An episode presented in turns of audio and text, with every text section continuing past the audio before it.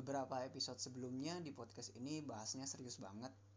Mulai dari bahas patriarki psikolog sampai bahas corona.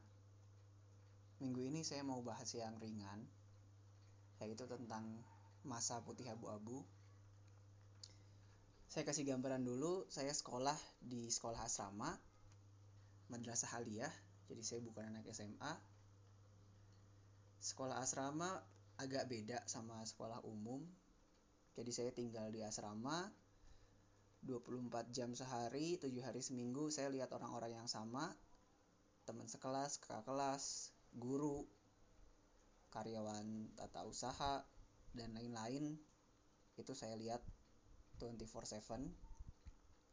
Nah, saya mau ceritain apa aja yang saya lakukan selama di asrama tersebut di MAN tersebut ada beberapa aturan yang mungkin beda sama SMA aturan yang pertama adalah nggak boleh bawa handphone. Jadi di asrama saya itu nggak boleh bawa handphone cuy. Nggak boleh bawa handphone nggak boleh bawa MP4 iPhone iPod. Pokoknya semua media player yang bisa play video itu nggak boleh. Jadi yang boleh dibawa itu cuman MP3 player. Jadi cuma bisa play musik doang. Nah meskipun begitu ya namanya juga umur-umur SMA ya itu lagi bandel-bandelnya ada aja yang bawa. E, untungnya sih nggak ketahuan. Jadi bisa pinjem pinjeman lah. Ada yang punya iPhone ada ada yang punya iPod Touch waktu itu ya bisa pinjem pinjeman sama temen. Terus nggak boleh bawa HP juga. Ada beberapa temen yang ketahuan akhirnya HP-nya disita. Kemudian saya juga pernah bawa HP waktu sekolah di sana. Jadi waktu kelas 3 kan ada masa ketika kita selesai UN kemudian nunggu hasil kelulusan.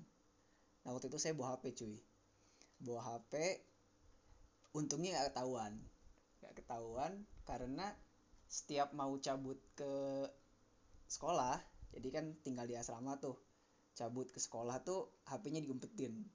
Diumpetinnya tuh sebenarnya sederhana banget cuma diumpetin kalau bahasa Sundanya sih para mungkin bahasa Indonesia-nya itu atap jadi di diumpetin di atap terus ditutup lagi atapnya.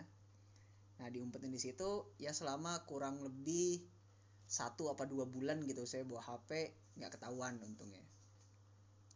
Kemudian aturan lainnya adalah boleh bawa laptop tapi ditaruh di satu tempat khusus namanya CSA Center of Students Activity nah jadi semua orang yang bawa laptop semua siswa yang bawa laptop harus ditaruh di situ. Terus aksesnya juga terbatas harus dipakai di situ dan dipakai di jam-jam tertentu aja. Biasanya pas belajar mandiri malam setelah sholat isya sekitar jam setengah 8 sampai jam 10 malam lah. Nah terus yang lucunya lagi tuh si ruangan CSA ini tuh kayak akuarium cuy.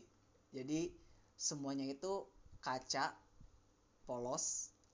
Jadi sebetulnya privasi kita tuh nggak ada di situ. Jadi kita buka apa di situ tuh kelihatan semuanya sama orang lain.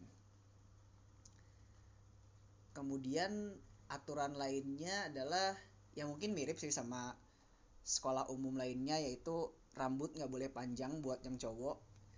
Nah di sini juga ada cerita menarik. Saya beberapa kali kena razia biasanya razia yang itu pas lagi upacara hari Senin. Rambutnya nggak boleh panjang. Nah kalau misalnya panjang langsung dicukur di situ dipotong. Kayak dipotong di atasnya jadi kan ketahuan tuh bekas ada bekasnya. Nah mau nggak mau biasanya setelah itu dirapiin. Nah karena nggak bisa keluar dari asrama jadi akhirnya dicukur sama temen sendiri. Nah untungnya di angkatan saya ada dua orang lah yang jago motong rambut akhirnya dibantuin sama temen sendiri. Bonusnya adalah potong rambutnya gratis cuy. Itu pengalaman seru banget sih dipotongin sama temen sendiri. Oh ini mirip mungkin sama sekolah lainnya yaitu nggak boleh nyontek. Waktu di MTS ini saya tuh kan awalnya di pesantren. Saya di MTS pesantren terus pindah ke madrasah aliyah negeri yang sistemnya menurut saya jauh berbeda pesantren saya itu sangat konvensional. Sementara madrasah aliyah negeri ini tuh bisa dibilang iptek sama imtaknya seimbang gitu balance. Social science sama natural science saya itu jelek banget. Jadi modal saya itu cuma bahasa Arab doang sama agama sebetulnya. Nah makanya hoki sebenarnya saya bisa masuk ke sekolah ini. Jadi di sekolah saya ini tuh ada ulangan harian ada UTS ada UAS nah waktu ulangan harian satu saya tuh remet semua cuy 8 mata pelajaran Mafikibi matematika, fisika, kimia, biologi, sama pelajaran IPS-nya, e, sosiologi, ekonomi, sejarah, oh sama geografi cuy. Nah 8 pelajaran itu remet semua di ulangan harian 1 alias UH1. Nah di situ udah stres banget, maksudnya kayak anjir sekolah di sini kayaknya susah banget, kayak sampai 8 pelajaran remet semua. Nah waktu remet itu di salah satu remet itu saya ingat kayaknya remet kimia timbullah keinginan untuk nyontek saat itu. Nah waktu itu udah bawa contekan cuman nggak berani lihat di kelas. Jadi akhirnya izin ke toilet. Nah waktu ke toilet itu udah siap tuh contekannya udah di tangan. Cuman entah kenapa mungkin diingatkan oleh yang di atas bahwa jangan nyontek cuy. Akhirnya contekan itu tetap diletakkan pada tempatnya dan nggak saya pakai. Ya alhamdulillah nggak nyontek dan lulus sih akhirnya lulus. Dan setelah itu ya alhamdulillah remet-remet lainnya ada cuman ya masih normal lah nggak sampai 8 pelajaran dalam satu semester oh iya di situ nggak boleh pacaran jadi kalau misalnya ketahuan pacaran ada hukumannya jelas. Nah, tapi lucunya adalah selalu ada kesempatan dalam setiap kesempitan. Biasanya ada beberapa tempat atau beberapa momen dijadikan kesempatan untuk pacaran. Ya, biasanya ketika istirahat atau misalnya lagi ada jam kosong ke perpus. Nah, itu juga biasanya dimanfaatkan untuk berpacaran tapi sebetulnya ini tricky banget sih kalau misalnya ketahuan pacaran like benar-benar berduaan di suatu ruangan tertutup itu bisa sampai dikeluarin dari sekolah gitu oh iya di sana juga ada lab ya sama aja kayak sekolah umum lainnya lab ini kadang-kadang dipakai buat belajar anak-anak yang persiapan olimpiade. Ya anak-anak pinter. Biasanya belajar di situ ntar praktikum juga di situ.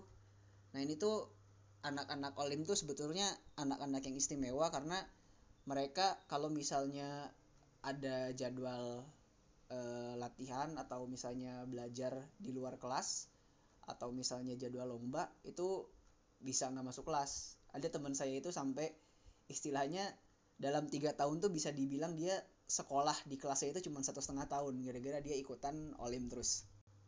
Oh ya ini saya juga punya pengalaman waktu olahraga di sana.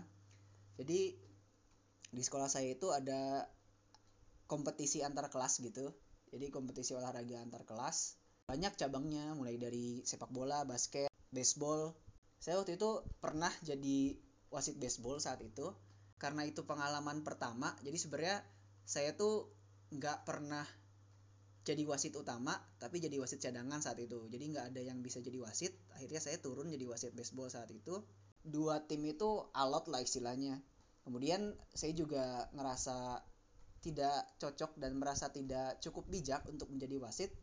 Akhirnya setiap keputusan saya selalu eh, apa ya istilahnya si penonton itu sama sama pemainnya itu nggak setuju lah sama keputusan saya itu. Akhirnya saat itu saya merasa nggak kuat akhirnya saya walk out aja dari wasit jadi peluit sama alat-alat wasitnya saya lempar ya udahlah terserah panitia akhirnya mau gimana itu pertandingannya. Nah setelah setelah saya cabut itu saya nggak tahu lagi sih nggak ngikutin gimana kelanjutan dari pertandingan tersebut. Ada sebuah kebiasaan menarik yaitu ngebangunin waktu sahur. Nah waktu sahur ini biasanya digilir berdasarkan kelas berdasarkan osis atau MPS nah ini osis ya biasalah osis. MPS itu eh, majelis perwakilan siswa gitu ya intinya pokoknya badan pengawasnya sih osis ini. Atau misalnya berdasarkan angkatan ya banyak lah pokoknya selama bulan puasa di situ selalu giliran ngebangunin sahur. Ada satu giliran yaitu pas angkatan saya ini saya ingat banget waktu kelas 12 ngebangunin sahur. Waktu itu ada sebuah ide gimana kalau misalnya kita nyalain kembang api waktu bangunin sahur.